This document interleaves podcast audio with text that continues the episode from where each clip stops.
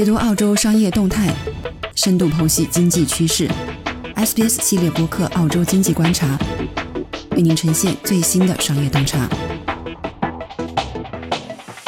临近二零二三年年末啊，那在最近的几期澳洲经济观察的播客当中呢，我们都会带您快速盘点这一年的几个有趣的经济和行业话题。那本期就一起来聊聊跟我们澳洲人切身相关的话题，那就是现在的澳洲经济的表现究竟怎么样？呃，我们来连线通讯员魏尔浩，魏尔浩你好。哎，Helen 你好。嗯，那魏尔浩，我相信我们这个播客当中这一年也关注了很多的澳洲经济的一些指标和数据啊。那我们站在这个十二月底这个时间点上，就您长期以来对澳洲经济的关注来说，如果要简单评价，您会如何评价这一年澳洲经济的总体表现呢？这一年的澳洲经济吧，啊，总体来说是不大好的。这个不大好呢，呃，通胀已经说了很多遍了，我想我就不不重复了啊。当然，通胀正在向好的方向发展啊。更重要的其实是在所有人的这个呃预期的变糟、利率所增加的生活成本啊，以及呢呃更高的这个资金成本所带来的整个的营商环境的变差。啊，甚至呢，包括外部环境的影响，尤其是亚洲地区啊，特别是中国经济对澳大利亚还是有很大影响的啊。这个啊，多方面的一些压力吧。啊，我觉得嗯，特别大家可以关注最新的一些经济数据，因为啊，经济数据的它的这个啊统计和释放是有延迟的，而呃实体经济对啊整个环境变化所带来的反应，不管是好的还是坏的，它也有延迟。所以我们看到最新的数据，比如说。三季度 GDP 的增长非常缓慢，啊，出乎意料的缓慢，啊，这个呢体现了很多问题，啊，也体现出澳洲经济的实际情况。又比如说最近公布的最新的，比如说像零售数据是比较惨淡的，大多数的行业的零售情况都不是特别的好，啊，再比如啊，包括像最近的就业和通胀数据啊，也都开始有一些。啊，变差的迹象啊，无论是啊，通胀在十嗯，在十月份的比较明显的一个一个下降吧，啊，或者是啊，就业数据呢啊，它的这个增长开始比较明显的放缓啊，等等，这些都体现出了啊，此前的这个高利率的这个环境啊，比较差的对。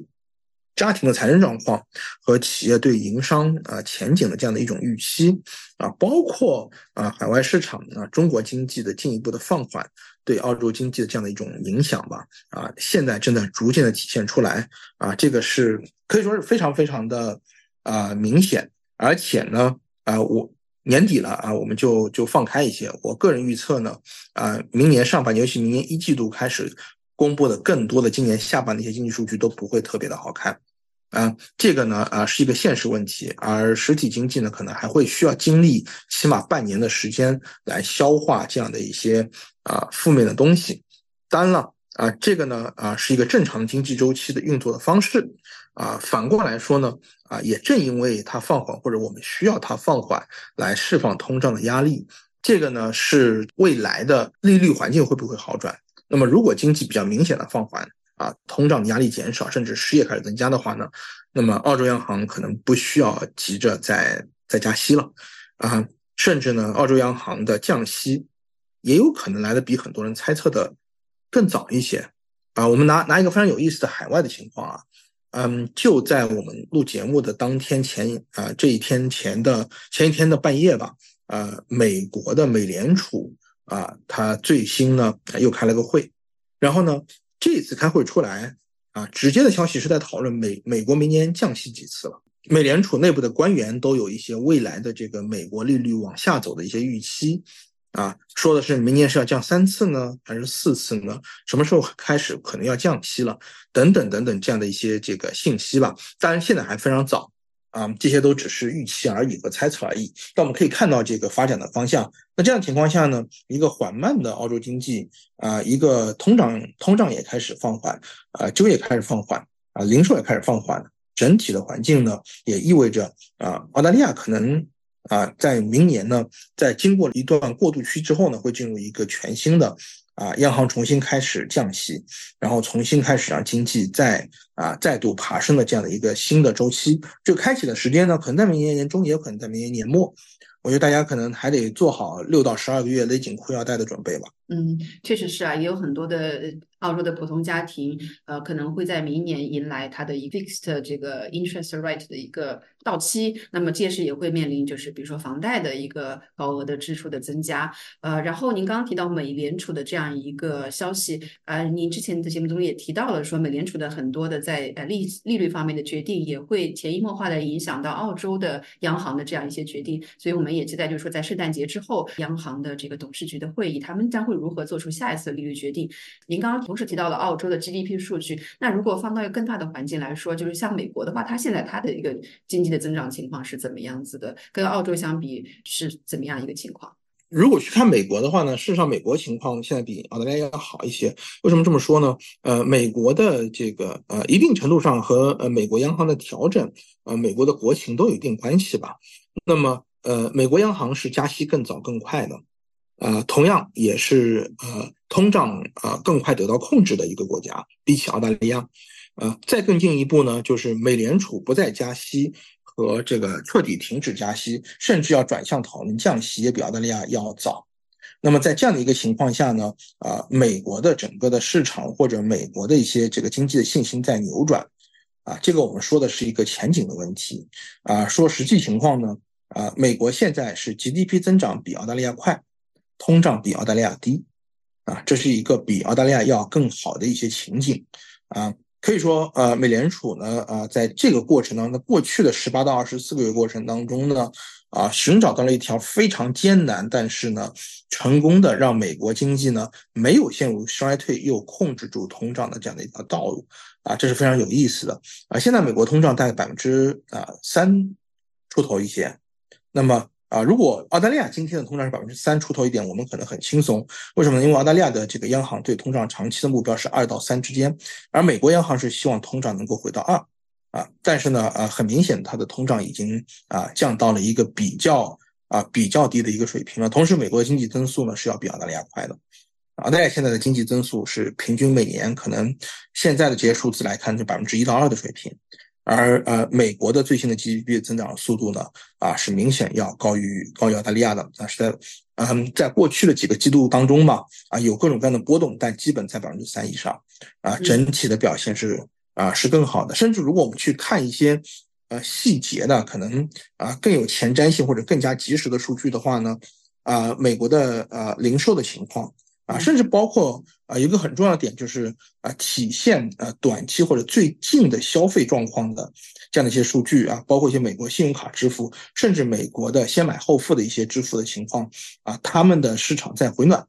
啊，美国的股市在比较明显的这个回暖啊，这些都是一些啊非常有意思的啊，大家可以观察的点。比如说澳大利亚股市今年全年如果截止到十一月底的话，澳大利亚股市几乎是走平的 ASX。而美国股市全年计算的话，上涨将近百分之二十。嗯，相比澳洲而言，美国的这个涨幅还是相当可观的。呃，那您刚刚聊到了美国和澳洲都面临的这样一个通胀情况，在今年的早些时候呢，我们也一期博客当中也聊过，呃，与之形成相反的中国的这样一个通缩情况。那最近呢，这个国际的评级机构穆迪也是连续发布报告啊，将中国的这个评级展望从稳定调整为负面。它之后呢，又将呃香港、澳门政府的这个展望呢，也有稳定下调至。负面，就总体来说，好像这个消息不是特别的积极。那如果说站在这个时间节点，我们来去看中国的这样一个经济情况的话，呃，大体是怎么样子的？就是它可能对澳洲的经济方面或者贸易会有哪些影响？中国经济的整体情况确实比较糟糕的。呃，可以说在今年的早期啊，中国重新开放之后出现一个短期的反弹，但随后呢，嗯，由于中国嗯对疫情的管控的措施的区别，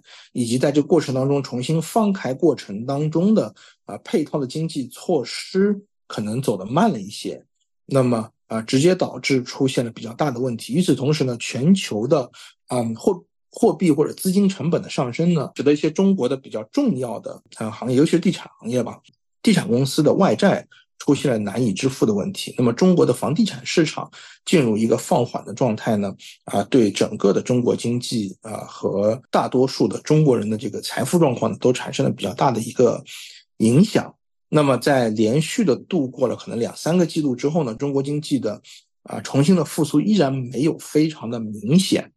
啊，整体的增速呢，啊，依然没有办法达到啊大家想要的一个啊重新回到百分之五以上的水平的这样的一个预期吧，啊，那么啊也就直接导致了目前的这个评级下调的这样的一种状况。那么啊，香港和澳门呢，中国作为中国的特区呢，啊，它的核心的支撑还是中国的中央政府和啊整个中国。那么如果整个中国的经济是比较缓慢的话呢，那么啊他们面对的这个挑战和问题是一样的。啊，那这是中国经济目前的一个一个现实吧？那么，呃，但这并不意味着中国经济啊啊以后就不能够再重新恢复了。这也不意味着中国经济的崩溃啊，离崩溃那是非常遥远的。嗯，事实上呢，呃，中国经济所面临的呢是一个短期怎么重新能够提振啊。经济的信心，或者很多时候是提振啊普通人的或者啊所有的小呃小型企业、中小型企业的一个呃信心，因为中小型企业往往在这个国家的就业的市场上扮演着非常重要的角色，那么这个最终会影响到失业率啊等等这些问题，所以这方面需要中国政府呢做更多工作。我们可以看到，中国政府呢在过去几个月当中呢采取了更多的一些刺激措施。啊，包括呢，中国政府和啊很多此前外交关系比较紧张的一些国家也有缓和的迹象。那么这一切呢，啊，有可能给中国政府政府呢带来一些机会。与此同时呢，啊，由于中国的经济体量啊，中国的整体的这个经济发展的阶段啊，它依然还有这一些啊可以给啊市场松绑啊，可以给某些行业松绑，从而重新去刺激经济的这样的一些啊机会吧。啊，这个是一些短期的问题。那么长期来说，中国经济面临最大的挑战其实是人口问题，但这个问题很难解决啊，非常难解决。嗯，中国的人口开始进入了一个啊加速老龄化啊，以及呢出生率的一个这个断崖式的下跌呢，使得中国经中国的这个人口情况正在跑步进入负增长。那么人口负增长啊，对于这个 GDP 的影响，因为 GDP 是算总量的啊，一定是非常大的。那么这个过程当中要发生巨大的一些转型。包括啊，会不会啊有更多的啊服务于中老年的和退休人士的服务业啊？很多人知道养老业，但除此之外，包括保险啊、理财，因为呃老年人往往需要有这方面的一些需求等等的一些变化。还有呢，就是那就只能寻找提高效率、提高生产效率。如果人口不能增长，那么 GDP 的总量的增长只能靠平均每个人可以生产更多，那就是提高效率啊，甚至呢。啊，这东西可能还和 AI 有关，啊，还和这个技术的发展有关。当然，中国在这方面其实是比较领先的，啊，也是一个比较有意思的这样一个情况了。总体来看，中国的经济，呃，面对着非常大的挑战，这个对澳大利亚经济来说不是一个好事情。那么，这个挑战能不能啊更顺利、更快的过去呢？现在很难判断，啊，可能是一个呃对半的这样的一个机会吧。就从啊短期来看，啊，这个呢。啊，在未来会始终成为影响澳洲经济，或者更直接通过铁矿石来影响澳洲贸易出口这样的一个因素。嗯，正如你所说啊，就是呃，无论是澳洲、美国还是中国，可能未来的一些未定的因素会很多。那综合它未来如何走向，可能就是会有很多种可能啊。我们也会在二零二四年的这个播客节目当中来持续关注啊。也非常感谢所有的听众在这一年对我们这个小小的 播客节目的关注，也感谢威尔浩的持续贡献自己的视角和观点。那我们在二零二四年再见，谢谢。好的，谢谢。